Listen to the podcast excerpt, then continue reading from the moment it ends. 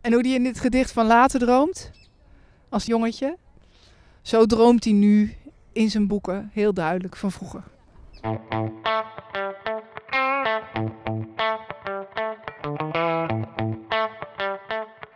Ik ben Mechtelt Jansen en ik hou ontzettend van literatuur en van Amsterdam. In deze podcast neem ik je mee naar bijzondere plekken in Amsterdam uit de boeken of levens van Nederlandse schrijvers. Vandaag ben ik in Amsterdam West met Marielle van Tilburg. Ga je mee? Waar zijn we, Mechtelt, precies? We staan hier in de Esmorijtstraat tegenover nummer 16. En op 163 ehm, is de plek waar uh, Guus Luiters is geboren en opgegroeid. Hij zegt over deze plek: Je jeugd is één keer. En de essentie speelt zich maar op één plek af. En voor mij is dat de Esmerijtstraat. Prachtig. En uh, we staan hier in een straat die aan de ene kant uh, doodloopt uh, op een voetpad. En achter dat voetpad is een, uh, een watertje. En daarachter is het, het Erasmuspark. Dus eigenlijk ja, geeft deze straat echt uitzicht op, op het land. Zo ervaar je dat een beetje. Aan de andere kant, als je hier verder gaat, ja, we staan hier tussen twee uh, stroken uh, appartementsgebouwen met uh, op elkaar gestapelde woningen, tot vier hoog. Ja, eigenlijk vrij strakke woningen. Balkonnetje aan de voorkant. Ze zien er modern uit. Ja, ze zijn wat nieuwer. Ik geloof dat ze gebouwd zijn uh, eind jaren 30. Dat was de laatste uitbreiding van de stad. Toen kwam de oorlog, toen lag het natuurlijk stil, het verdere uitbreiden van de stad. En daarna ging het pas weer verder. En Bos en Lommer was dan echt ook de laatste, de laatste wijk.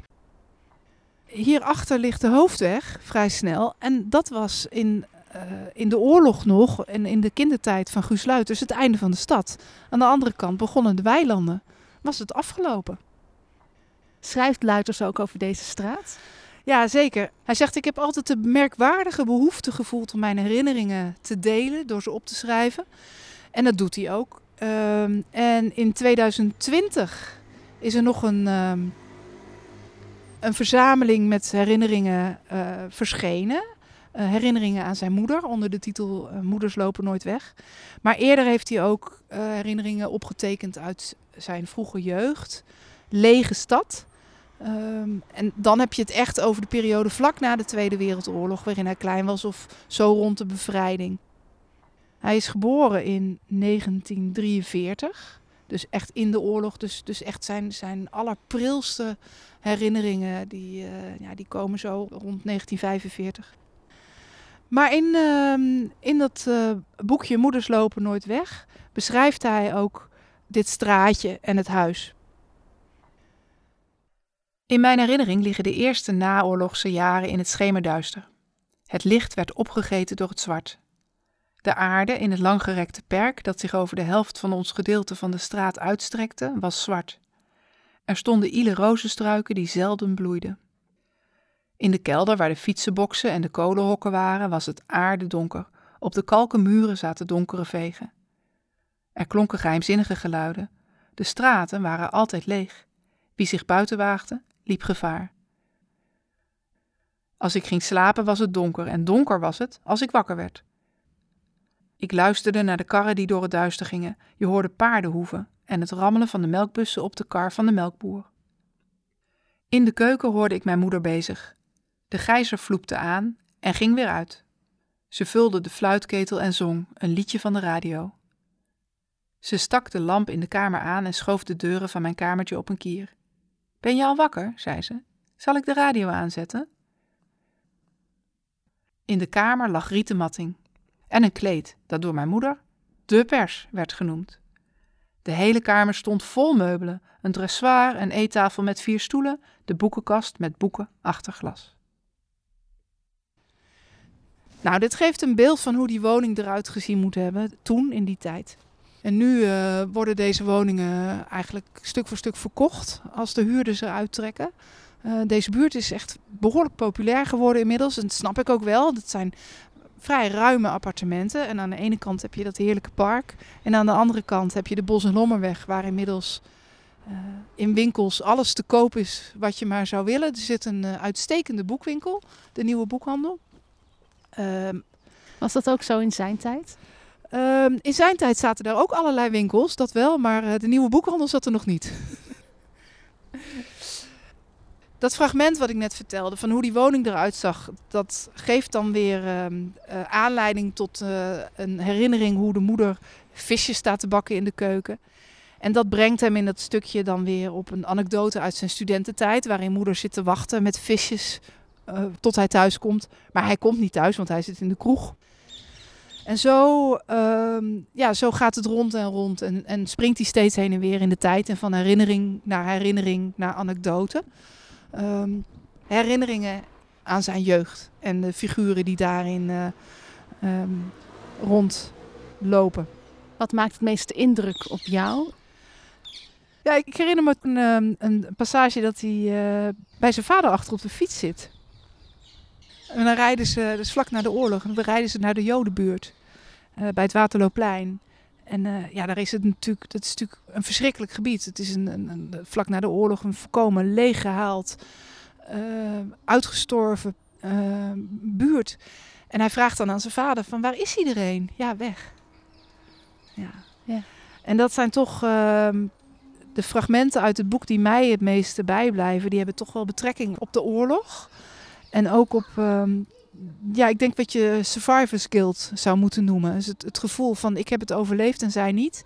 En waarom? Waar heb ik dat eigenlijk aan verdiend? En dat, dat, ja. ja dat is natuurlijk toch, toch best een, um, een ingewikkeld gevoel om, uh, om mee om te gaan na zoiets. En er zijn ook herinneringen die vader en moeder uh, samen zitten ophalen aan de hongerwinter. En die zijn bijna zelfgenoegzaam en daardoor heel indringend. Kijk, zij hadden het best goed. Vader die ritselde het allemaal wel. Um, dus kleine Guus had genoeg te eten. Dat kwam allemaal wel in orde. We hadden echte boter, zei mijn moeder. En krombekken, zei mijn vader. En kaas en bruine bonen, eieren en zelfs een keer een groot stuk spek. En tarwe hadden ze, die gemalen werd in de koffiemolen, waarna er pannenkoeken gebakken werden op het noodkacheltje. Terwijl in de stad de politie op kinderen schoot, die kooltjes raapten of blokjes hout tussen de rails weghaalden. Ik at mijn bordje pap, zette mijn eerste stapjes en sprak mijn eerste woordjes, terwijl in de stad een oorlog uitgevochten werd. De bevrijding was nabij. Ja, en dat dat een, um, een belangrijk thema voor Luiters is, die, die Survivors Guild. En wat, hè, wat er in de oorlog is gebeurd met kinderen zoals hij, die toevallig in een ander gezin zijn geboren. Um, ja, dat blijkt ook wel uit zijn boek In Memoriam uit 2012 waarin hij de Amsterdamse kinderen die in de oorlog zijn omgekomen echt een, uh, een gezicht probeert te geven. Ja, mooi. Ja, ja en uh, als je hier uh, het straatje uitloopt, dan kom je bij de Erasmusgracht. We kunnen er wel even naartoe lopen. Mm -hmm.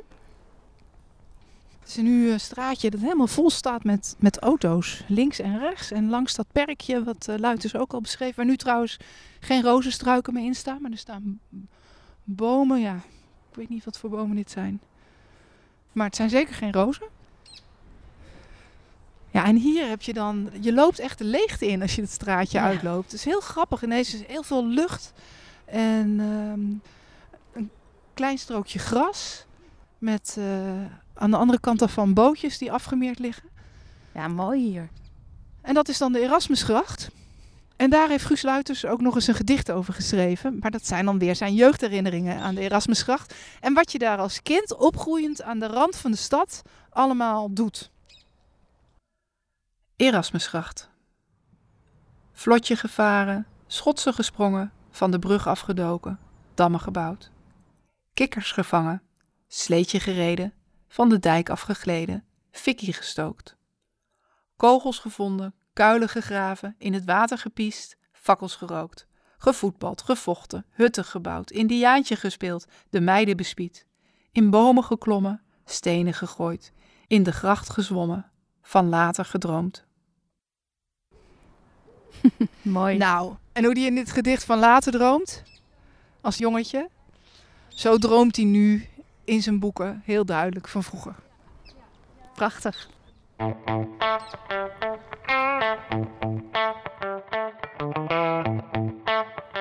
Je luisterde naar Booklovers Podcast, een podcast over de stad, zijn schrijvers en hun boeken. De muziek was van Orbitert. Vind je deze podcast leuk en wil je meer horen? Abonneer je dan via je favoriete podcast-app en laat een review achter, zodat andere liefhebbers hem beter kunnen vinden. Vond je dit leuk en wil je het met eigen ogen zien? Wandel dan een keer met me mee. Kijk op www.boekloverstours.nl voor het programma.